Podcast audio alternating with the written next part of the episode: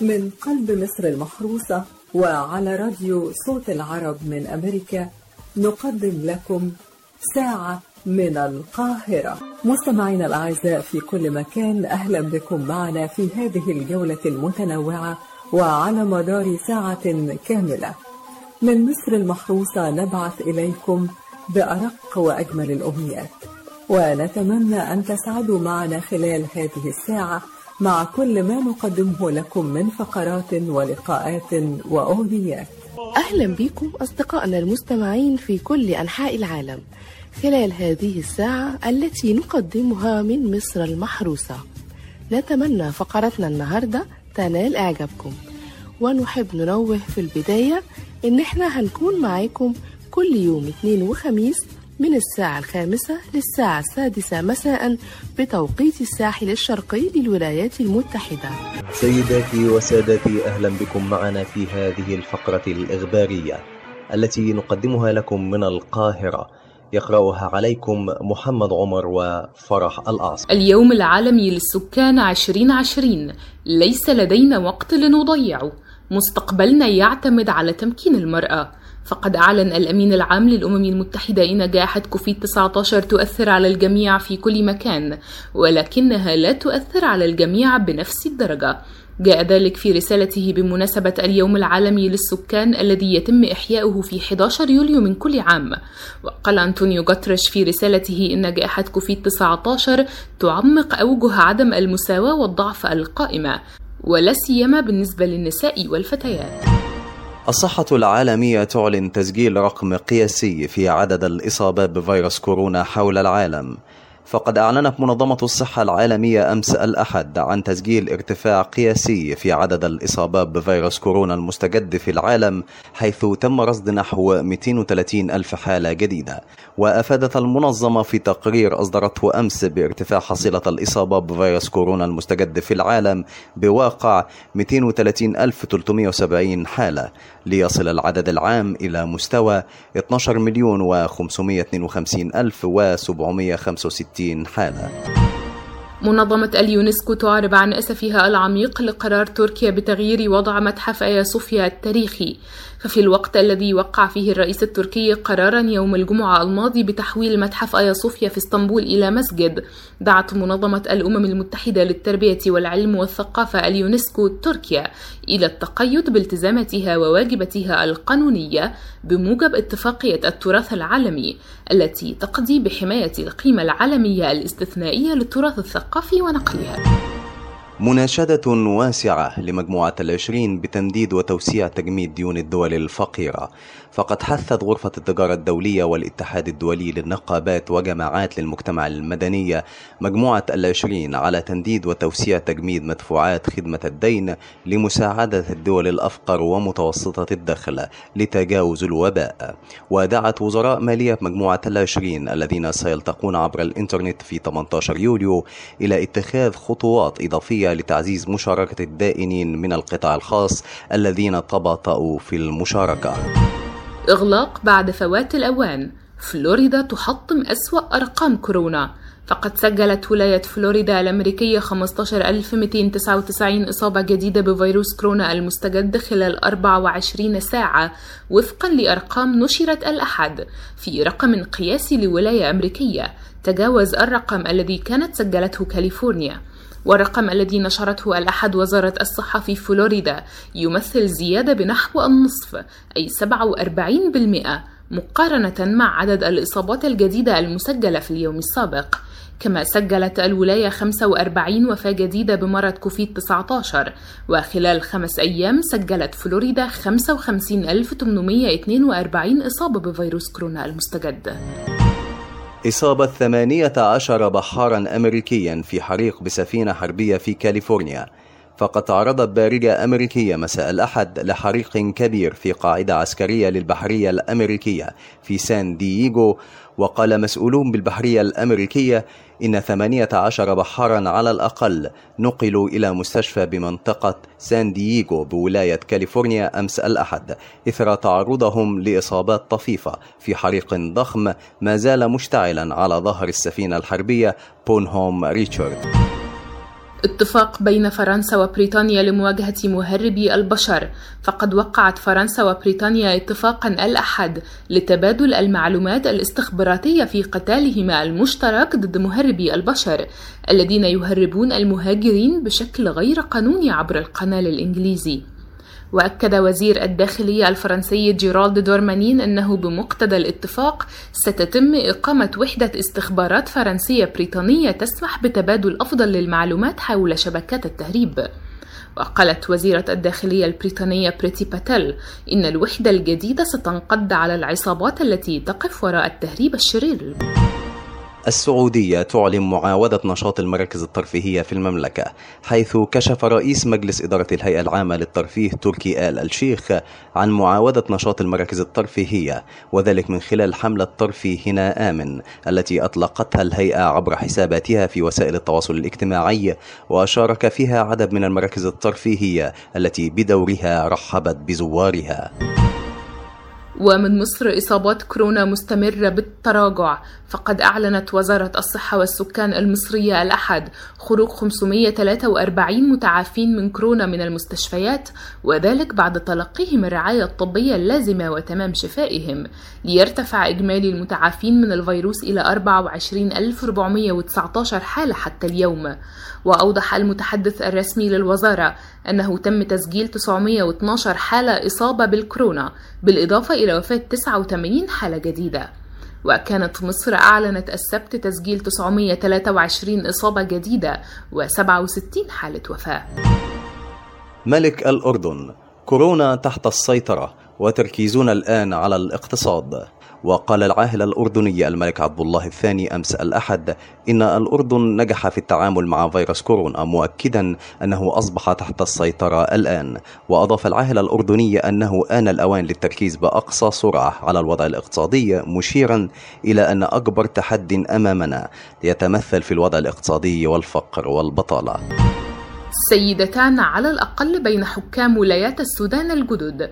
حيث أكد قيادي في قوى الحرية والتغيير مساء أمس الأحد أن هناك توافقا كبيرا على اختيار سيدتين على الأقل ضمن حكام الولاية الثامنة عشر في السودان. وأوضح القيادي أن 12 ولاية سيعين لها حكام مدنيون بينما سيكون ستة من العسكريين المتقاعدين على رأس الولايات الستة الأخرى التي تشهد نزاعات أو حالة عدم استقرار أمني. ونختتم هذه الفترة الإخبارية بهذا الخبر الفني عن النجم العالمي أميتاب باتشان. فقد ذكرت تقارير صحفية إن الحالة الصحية للنجم الهندي الكبير أميتاب باتشان مستقرة حيث يعاني من أعراض خفيفة وأضافت أنه تم إدخال باتشان في وحدة عزل. وأعلن باتشان البالغ من العمر 77 عاما السبت عن إصابته بكورونا. كما أعلن عن إصابة ثلاثة أفراد من عائلته بالفيروس وناشد أولئك الذين كانوا على مقربة منه في الأيام العشر الماضية ليفحصوا أنفسهم. ووجه أميتاب باتشان الشكر لجمهوره الذين أعربوا عن قلقهم بعد إصابته بفيروس كورونا وذلك عبر حسابه الرسمي بموقع إنستغرام. وبهذا الخبر نكون قد وصلنا إلى نهاية فقرتنا الإخبارية اليوم. قرأها عليكم محمد عمر وفرح الأعصر. من قلب مصر المحروسة وعلى راديو صوت العرب من أمريكا ساعة من القاهرة. والآن مستمعينا الكرام حان موعدنا مع الفقرة الدينية وتدور الفقرة اليوم حول عيوب النفس وضرورة ألا ينظر الإنسان إلى عيوب الناس وينتقدها وقد تكون عيوبا صغيرة ويترك عيوب نفسه والتي قد تكون كبيرة ومع ذلك لا يراها مع أن كل الناس يرونها. وعلى كل إنسان أن يبصر عيوب نفسه ويعمل جاهدا على إصلاحها لينال حب الناس وحب الله ويفوز بخيري الدنيا والآخرة. ويسعدنا أن يكون معنا اليوم فضيلة الدكتور أحمد صالح من علماء وزارة الأوقاف المصرية. وفي البداية نستمع إلى نص الحديث الشريف. قال رسول الله صلى الله عليه وسلم إن أحدكم يرى القذى في عين أخيه ولا يرى الجذع في عين نفسه. صدق رسول الله صلى الله عليه وسلم. بسم الله الرحمن الرحيم. والصلاة والسلام على أشرف المرسلين سيدنا محمد وعلى آله وصحبه ومن تبعهم بإحسان إلى يوم الدين ثم أما بعد. في الحقيقة صدق رسول الله صلى الله عليه وسلم. فقد وضع أيدينا على أمر غاية في الدقة والاحتياج فكلنا لابد أن يعرف عيوب نفسه. إن الله تبارك وتعالى إذا أراد بعبد خيرا بصره بعيوب نفسه. فمن كانت بصيرته نافذة لم تخفى عليه عيوبه فإذا عرف الإنسان عيبه أمكنه علاج نفسه. ولكن أكثر الناس جاهلون بعيوب أنفسهم. يرى أحدهم القذى كما أخبر النبي صلى الله عليه وسلم في عين أخيه أي يرى الشيء الدقيق من الأذى في عين أخيه ويكبره ويضخمه وكأنه يعني يرى فيه أمرا هذا الأمر فيه من العيب ما فيه وينسى أن نفسه ذاته فيها من الجزع ما فيه أي فيها من الشيء الكبير الذي لا يراه هو بنفسه عن نفسه ويراه الآخرون كما أخبر النبي صلى الله عليه وسلم فضيلة الشيخ وما هي الطرق التي نعرف بها عيوب أنفسنا؟ الطرق كثيرة ولكننا نختزلها في أربعة طرق أولا أن يعرض الإنسان نفسه على كتاب الله وعلى سنة رسوله صلى الله عليه وسلم بمعنى أنه ينظر في كتاب ربه أين امتدح الله المؤمنين؟ وأين نهى الله تبارك وتعالى الناس عن ارتكاب كذا أو فعل كذا؟ وكذلك ينظر في سنة رسول الله ويقتدي بها ويأتسي بها. النقطة الثانية أو الطريق الثاني أن يجلس بين يدي عالم بصير بعيوب الناس وأضران النفوس ويعلم طريقة علاجها. وهو في الحقيقة الإنسان حينما يعرض نفسه على عالم هذا العالم لابد أن يتوفر فيه شرطين. الشرط الأول أن يكون عالما بأضران النفوس وعيوبها. الشرط الثاني أن يكون عالم بعلاج هذه النفوس. وهذا ما حدث في الحديث الذي ذكره النبي صلى الله عليه وسلم لهذا الرجل الذي قتل تسعة وتسعين نفسا. ذهب ابتداء إلى رجل علم أدران النفوس لكنه لم يدله أو يرشده على طريقة العلاج. فما كان منه إلا أنه أتم به المئة. أما حينما ذهب إلى هذا العالم العارف الفاهم بأضران النفوس وكذلك بطريقة علاجها كان الخلاص على يديه. فماذا لو لم يجد هذا الإنسان هذا العالم بهذه الشروط التي ذكرناها من كونه عالما بأضران الناس وكذلك عالما بطريق علاجها نقول له إن الله تبارك وتعالى يجعل لك علامة. هذه العلامة تستشعر بها طمأنينة في قلبك تستشعر بها انشراحا للصدر إذا ما قمت وبادرت بعمل طيب كريم. ماذا إن لم يجد؟ لابد أن يعرض الإنسان على صديق له لأن الصديق وده تعتبر الطريق الثالث. لأن الصديق هو الذي سوف يتعهده بالنصيحة. وكما قيل رحم الله امرأ أهدى إلي عيوبي إن نسي ذكره وإن كسل نشطه. هو دائما حوله معين صدق يأمره بالخير ويأخذ بيده إليه. وقد ينظر وجود هذا الصديق هذه الأيام. فماذا يفعل الإنسان؟ ينتقل إلى الطريق الرابع. ألا وهو أن يعرف عيوب نفسه من ألسنة أعدائه ولعل انتفاع الإنسان بعدو مشاح يذكره بعيوب نفسه خير من صديق مداهن. فإن قارنا بين عدو مشاح وصديق مداهن أقول لك اختر العدو المشاحن لأنه سوف يسوقك ويعرفك بعيوب نفسك. وأتذكر أن الإمام يعني زين العابدين ابن الإمام علي رضي الله عنه وأرضاه أحد المشاحنين انبرى له وهو في طريقه وسبه وقال فيه كلاما موجعا مؤلما وكان الإمام معه أشياعه وأنصاره وعلى الرغم من ذلك تبسم في وجهه وقال غفر الله لك ما ذكرته ولم يكن فينا وشكر الله لك ما ذكرته فينا وهو فينا. فلك الثناء ولك الشكر على أن دللتنا على الطريق الصحيح. هل لك حاجة؟ نقضيها لك. وعند ذلك انبهر هذا العدو المشاحن أمام أدب آل بيت رسول الله صلى الله عليه وسلم فما كان منه إلا أن قال إنها لحق أخلاق أنبياء. والله تبارك وتعالى نسأل لنا ولجميع المسلمين أن يبصرنا بعيوب أنفسنا وأن يأخذنا إلى جادة الطريق. والسلام عليكم ورحمة الله. ما زلنا نعيش هذه الأيام أزمة كورونا وهذه الأزمة يراها الكثيرون منا محنة كبيرة. يتوقفون أمامها بالحزن والألم والضيق والضجر ويرونها مشكلة لا يرون منها مخرجا ولا يرون فيها أي أمل. بينما يراها البعض وهم المتفائلون الذين ينظرون إلى نصف الكوب المليء دائما ولا ينظرون إلى النصف الفارغ. فهم الذين يرون في هذه الأزمة منحة عظيمة للإنسان. وفيها أشياء جميلة يمكن أن يستمتع بها وكما تقول الأمثال أضئ شمعة بدلا من أن تلعن الظلام. والآن نستمع إلى الدكتورة مها الببلي استشاري الصحة النفسية والعلاقات الأسرية بوزارة الصحة المصرية. مساء الخير أعزائي المستمعين. حابة أتكلم معاكم النهاردة في موضوع شاغل كل العالم في الوقت الراهن وهو أزمة الكورونا. أكيد العالم كله دلوقتي بيمر بمحنة كبيرة. لكن المهم إزاي نحول المحنة دي لمنحة؟ هو ده اللي أنا عايزة أتكلم فيه النهاردة.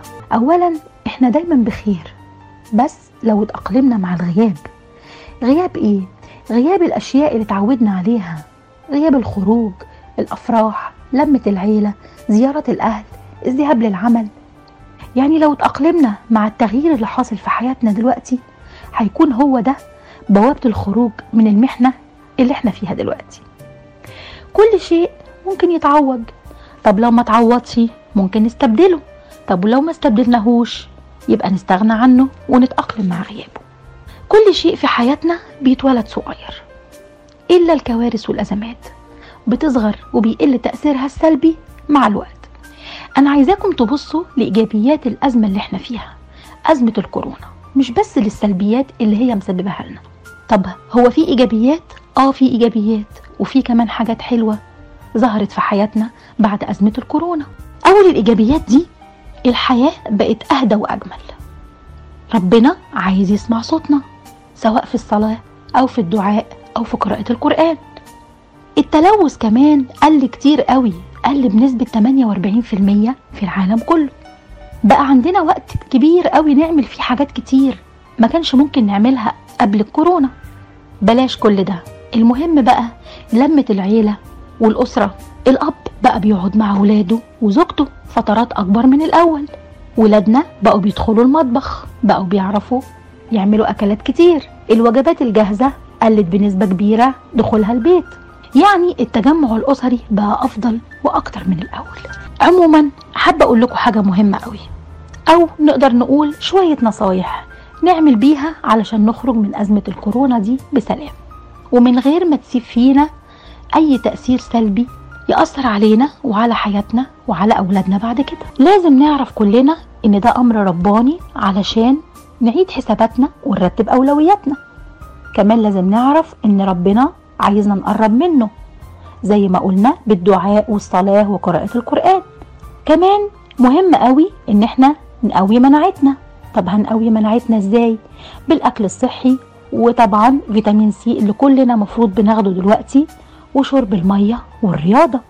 بنحافظ كمان دلوقتي على علاقاتنا الأسرية وبنقويها لأن الوقت بقى أكبر إن إحنا نقعد مع بعض ونسمع بعض ونسمع مشاكل بعض. نحافظ كمان على الحياة اللي إحنا أجبرنا عليها. آه أجبرنا عليها.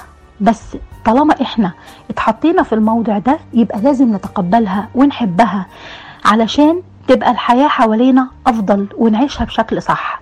وأخيرا عايزة أقول لكم إن أنا كنت سعيدة قوي إن أنا كنت معاكم النهاردة. ويا رب يا رب يكون الكلمات الصغيرة دي تكون هتأثر في حياتنا هتخلينا نتغير للأفضل وبإذن الله هلتقي معاكم قريبا. تحياتي لكل المستمعين دكتورة مها الببلي استشاري الصحة النفسية والعلاقات الأسرية بوزارة الصحة المصرية. من قلب مصر المحروسة وعلى راديو صوت العرب من أمريكا ساعة من القاهرة.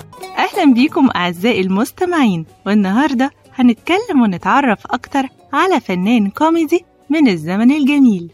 وهو الفنان علي الكسار. ولد في القاهرة في حي السيدة زينب ونشأ بها في 13 يوليو سنة 1887 واسمه الحقيقي علي خليل سالم.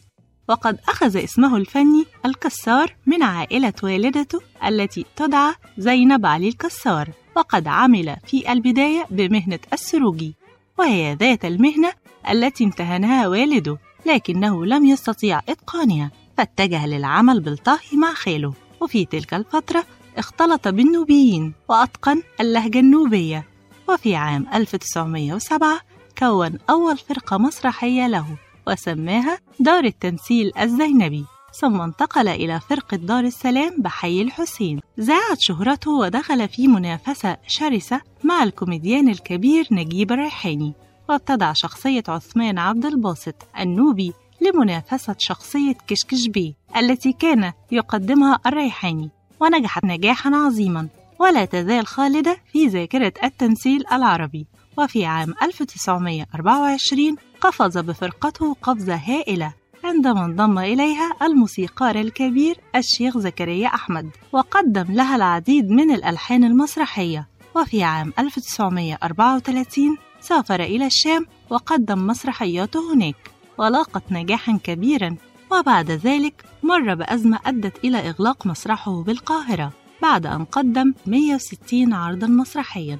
اتجه بعدها إلى السينما وقدم فيها عددا من الأفلام الناجحة ومن أشهرها على قد الحافك وعلي بابا والأربعين حرامي وألف ليلة وليلة وسلفني 3 جنيه ورصاصة في القلب. في يوم 15 يناير عام 1957 توفي بمستشفى القصر العيني عن عمر 69 سنة بعد معاناة طويلة مع مرض السرطان. ورحل عن دنيانا وترك لنا رصيد جميل من أهم وأجمل الأعمال الكوميدية. رحم الله الفنان علي الكسار. فقرتنا النهاردة انتهت. أتمنى تكون نالت إعجابكم. كانت معاكم دعاء حسن من فريق ساعة من القاهرة. دمتم بخير وصحة. من قلب مصر المحروسة وعلى راديو صوت العرب من أمريكا ساعة من القاهرة.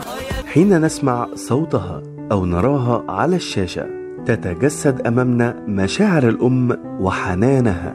فكانت أشهر وأصدق من جسد أدوار الأم. فتعد أحد أبرز وأهم الفنانات التي أجدنا دور الأم حتى أنها أصبحت أما لكل فناني الزمن الجميل. إنها الفنانة الكبيرة وأم السينما المصرية فردوس محمد. ولدت فردوس محمد في حي المغربلين بمدينة القاهرة في 13 يوليو عام 1906 توفى والدها وهي صغيرة فتولى تربيتها الشيخ علي يوسف مؤسس جريدة المؤيد. قدمت أول عمل مسرحي لها على الإطلاق في عام 1927 وهي مسرحية إحسان بيك. مع فرقة أولاد عكاشة المسرحية والتي صارت واحدة من أعضائها. ثم عملت مع فريق إسماعيل ياسين وعبد العزيز خليل ورمسيس وفاطمة رشدي. وفي السينما اختيرت لتقوم بدور الأم في فيلم يوم سعيد بطولة محمد عبد الوهاب عام 1940 وكانت أما لفاتن حمامة الطفلة وقتها ومن يومها كانت دائما الاختيار الأول لكل مخرج يبحث عن فنانة تجيد دور الأم حتى لقبت بأم السينما المصرية. قدمت فردوس محمد 129 فيلم جسدت خلالها شخصية الأم في أكثر من 100 فيلم لأغلب نجوم السينما. فكانت أم لعبد الحليم حافظ وفاتن حمامة وفريد شوقي وعمر الشريف وغيرهم من النجوم هلا هلا على الست اللي قاعدة تأمر وتنهي. أمال على رأي اللي قالوا هتقول اصحى تسوق الحمير كلها. يا ليل يا ليل. ليه؟ اهدى أنت؟ ليلتك سودة. قومي يا بنت فين قومي قامت قيامتك واتنصب ميزانك أكل ومرعى وقلة صنعة. الله باشا. يا سم يا بواخة ومن أشهر أفلامها عنتر ابن شداد سفير جهنم غزل البنات سيدة الخطار. إحنا التلامذة سيدة القصر رد قلبي. عفريتة إسماعيل ياسين قمر 14 عودة طاقية الإخفاء. شارع محمد علي وصراع في المينا. عانت في أواخر حياتها من مرض السرطان وتزايدت أعراض المرض عليها حتى دخلت في غيبوبة تامة وتوفيت في عام 1961 عن عمر يناهز 55 عام. وهكذا توفت أشهر أم في السينما. بعد أن ملأت قلوب المشاهدين بمشاعر الحب والحنان والأمومة. وبكده نبقى وصلنا لنهاية فقرتنا النهاردة. شكرا لاستماعكم. كان معكم محمد صبري. من قلب مصر المحروسة وعلى راديو صوت العرب من أمريكا ساعة من القاهرة. مستمعينا الأعزاء أهلا بكم. في الفقرة الأسبوعية فقرة مدينة عربية واللي بنخصصها للحديث عن المدن والعواصم العربية. النهاردة هنتكلم عن العاصمة الجزائرية مدينة الجزائر. الجزائر العاصمة باللهجة المحلية دزاير هي عاصمة الجمهورية الجزائرية وأكبر مدنها وتقع الجزائر على الشاطئ الجنوبي للبحر المتوسط شمالي الجمهورية. كانت مدينة الجزائر تدعى أوكوزيون في زمن الإمبراطورية الرومانية ومن مسمياتها الحالية البهجة المحروسة والجزائر البيضاء وذلك لبياض ولمعان عماراتها ومبانيها والتي يخيل للناظر أنها ترتفع عن سطح البحر وهي أيضا عاصمة ولاية الجزائر. ومدينة الجزائر العاصمة من أهم وجهات السياحة في الجزائر. وتعد من أقدم مدن الجزائر وتضم العديد من الأماكن السياحية. تنقسم المدينة إلى قسمين أحدهما قديم والآخر حديث ويضمان العديد من المعالم بالإضافة إلى العديد من المجمعات التجارية والمطاعم.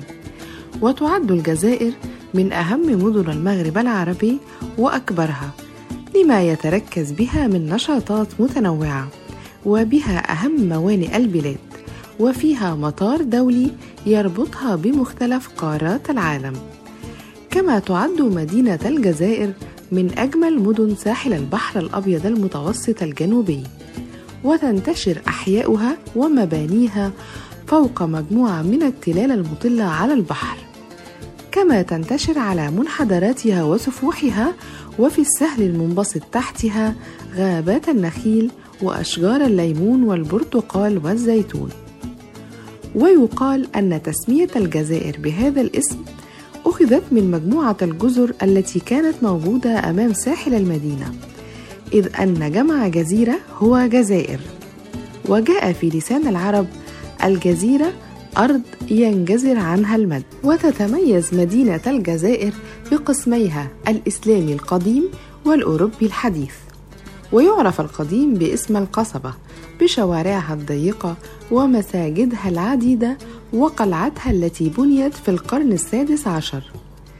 من أهم معالم مدينة الجزائر حي القصبة الذي لا يزال يحمل تاريخها القديم من دور عتيقة ودروب ملتوية وبقايا الأسوار القديمة وقصور الدايات ورؤساء البحر. من أهمها قصر الداي حسين الذي ما زال شامخا حتى اليوم. بما يحويه من غرف عدة وزخارف جميلة وأقواس فريدة في نوعها. يوجد هذا القصر في أعالي القصبة غير بعيد من برج بوليلة الذي بني في القرن السادس عشر الميلادي. وخارج حي القصبة توجد آثار للأبراج والحصون القديمة. وتتميز شوارعها بالضيق والانحدار كونها تتركز في أعلى التلال المطلة على البحر. كما تتركب معظم شوارعها من الأدراج وتنتشر البيوت في القصبة القديمة حول ساحات داخلية مربعة في مركزها نافورة أو بئر ومن حولها المباني السكنية.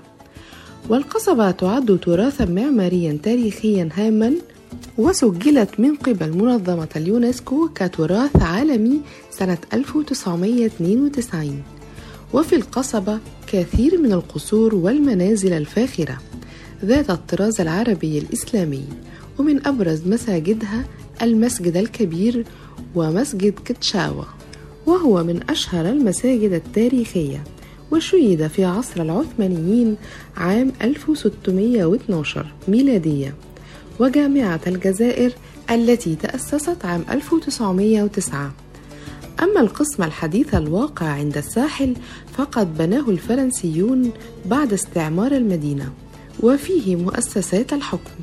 ويتميز هذا القسم بشوارعه الواسعة والطويلة وهو يعتبر القسم الأكثر فخامة في الجزائر العاصمة. ومن أهم معالم الجزائر المتحف الوطني للفنون الجميلة وتوجد به قرابة 8000 لوحة فنية وهو أكبر متحف للفنون الجميلة في إفريقيا والشرق الأوسط والعالم العربي حيث تأسس عام 1875 ومن المعالم التاريخية المساجد التي يفوق عددها حاليا المئة. وأقدم هذه المساجد هو الجامع الكبير الذي ما زال شامخا حتى اليوم. بناه يوسف بن تاشفين في أواسط القرن الحادي عشر للميلاد. على الطراز المغربي الأندلسي فوق مساحة تقرب من ألف متر مربع. وقد اختيرت الجزائر عاصمة للثقافة العربية عام 2007 عبر تاريخ عريق حافل بالإبداع. كانت معكم من القاهرة صوفيا حاتم. من قلب مصر المحروسة وعلى راديو صوت العرب من أمريكا ساعة من القاهرة. يا مساء السعادة أعزائي المستمعين. أهلا بكم من جديد وفقرة حكايات. حكايتنا النهاردة عن مغنية وممثلة سورية. بدأت مشوارها الفني واستمر وانتهى في مصر. وهي أخت الفنان فريدة الأطرش. عرفتوا دلوقتي مين هي. هي أمال فهد الأطرش المعروفة باسم أسمهان فنيا. ممثلة ومغنية سورية. حصلت على الجنسية المصرية لكنها فقدتها عند زواجها بابن عمها حسن الأطرش. عاشت طفولتها في السويداء في سوريا لتنتقل عند بدء الثورة السورية الكبرى إلى مصر وتبدأ مشوارها الفني هناك إلى جانب أخيها فريد الأطرش المطرب والموسيقار المعروف الذي أخذ بيدها إلى عالم الفن وجعلها نجمة غناء لامعة. إلى جانب شهيرات ذلك الوقت أم كلثوم نجاة وليلى مراد. ظهرت مواهب أسماهان الغنائية والفنية باكرا. فقد كانت تغني في البيت والمدرسة مرددة أغاني أم كلثوم ومرددة أغاني محمد عبد الوهاب وشقيقها فريد. وفي أحد الأيام استقبل فريد في المنزل وكان وقتها في بداية حياته الفنية. الملحن داوود حسني أحد كبار الموسيقيين في مصر. فسمع الأطرش تغني في غرفتها. فطلب إحضارها وسألها أن تغني من جديد. فغنت وأعجب بصوتها. ولما انتهت قال لها كنت أتعهد تدريب فتاة تشبهك جمالا وصوتا. توفيت قبل أن تشتهر. لذلك أحب أن أدعوك باسمها أسمهان. وهكذا أصبح اسم آمال الفني أسمهان. أخذت أسمهان تشارك أخاها فريد الأطرش في الغناء. في صالة ماري منصور في شارع عماد الدين. تجربة كانت لها إلى جانب والدتها في حفلات الأفراح والإذاعة المحلية. وراح نجمها يسطع في سماء الأغنية العربية. يحكى أن محمد عبد الوهاب قال في أسمهان وكانت في السادسة عشرة إن أسمهان فتاة صغيرة. لكن صوتها صوت امرأة ناضجة. وفي عام 1933 انقطعت عن الفن لمدة ست سنوات بعدما اشترط زوجها ذلك حيث انتقلت إلى سوريا لكنها عادت إلى مصر بعد خلافات مع زوجها. عام 1939 لتعود إلى حياة الفن وتدخل عالم التمثيل السينمائي. فتحت الشهرة التي نالتها كمطربة جميلة الصوت والصورة أمامها باب الدخول إلى عالم السينما. فمثلت سنة 1941 أول أفلامها انتصار الشباب. إلى جانب شقيقها فريد الأطرش وشاركته أغاني الفيلم. وفي عام 1944 مثلت في فيلمها الثاني والأخير غرام وانتقام. إلى جانب يوسف وهبي وأنور وجدي ومحمود المليجي وبشارة وكيم وسجلت فيه مجموعة من أحلى أغانيها وشهدت نهاية هذا الفيلم نهاية حياتها. سبق لها أن شاركت بصوتها في بعض الأفلام. كفيلم يوم سعيد إذ شاركت محمد عبد الوهاب الغناء في أوبريت مجنون ليلى. كما سجلت أغنية محلاها عيشة الفلاح في الفيلم نفسه وهي من ألحان محمد عبد الوهاب الذي سجلها بصوته فيما بعد. عرف عن أسمهان إنها لم تحصر تعاملها مع ملحن واحد مهما كان شأنه. فتعددت أسماء الملحنين الذين غنت لهم ألحانا خالدة. أمثال أخوها فريد الأطرش الذي غنت من ألحانه أشهر أغنيتين. هما ليالي الأنس في فيينا وأنا أهوى. كما غنت لرياض السنباطي يا لعينيك. والدنيا وأغنيتها من فيلم غرام وانتقام أيها النائم كما غنت العديد من الأغاني من ألحان محمد الأصبجي وهي يا طيور وكلمة يا نور العين وفرق ما بيننا الزمان وتوفيت في الرابع عشر من يوليو عام 1944 بتمنى الفقرة دي تكون عجبتكم. كانت معكم بسمة محمد. وفي نهاية الحلقة شكرا لكم مستمعينا الأعزاء. نرجو أن نكون قد أسعدناكم خلال هذه الساعة. انتظرونا في الحلقة القادمة بإذن الله وموضوعات جديدة دائما. ولكم تحيات أسرة فريق ساعة من القاهرة على راديو صوت العرب من أمريكا. شارك في هذه الحلقة من أسرة البرنامج محمد عمر فرح الأعصر صوفيا حاتم دعاء حسن. بسمة محمد ولكم مني خالص تحياتي محمد صبري أميرة مدحت. ميرنا جوهر شموع شكري. كيرلس ثروت أحمد السيد. ولكم مني خالص تحياتي محمد صبري. النهاردة. وعلى أمل أن يتجدد اللقاء معكم في حلقة قادمة ورحلة جديدة بإذن الله. ومن هنا من قلب القاهرة نرسل لكم بأرق أمنياتنا الطيبة بقضاء أجمل الأوقات. وهذه أرق تحياتي. كان معكم من القاهرة مجدي فكري.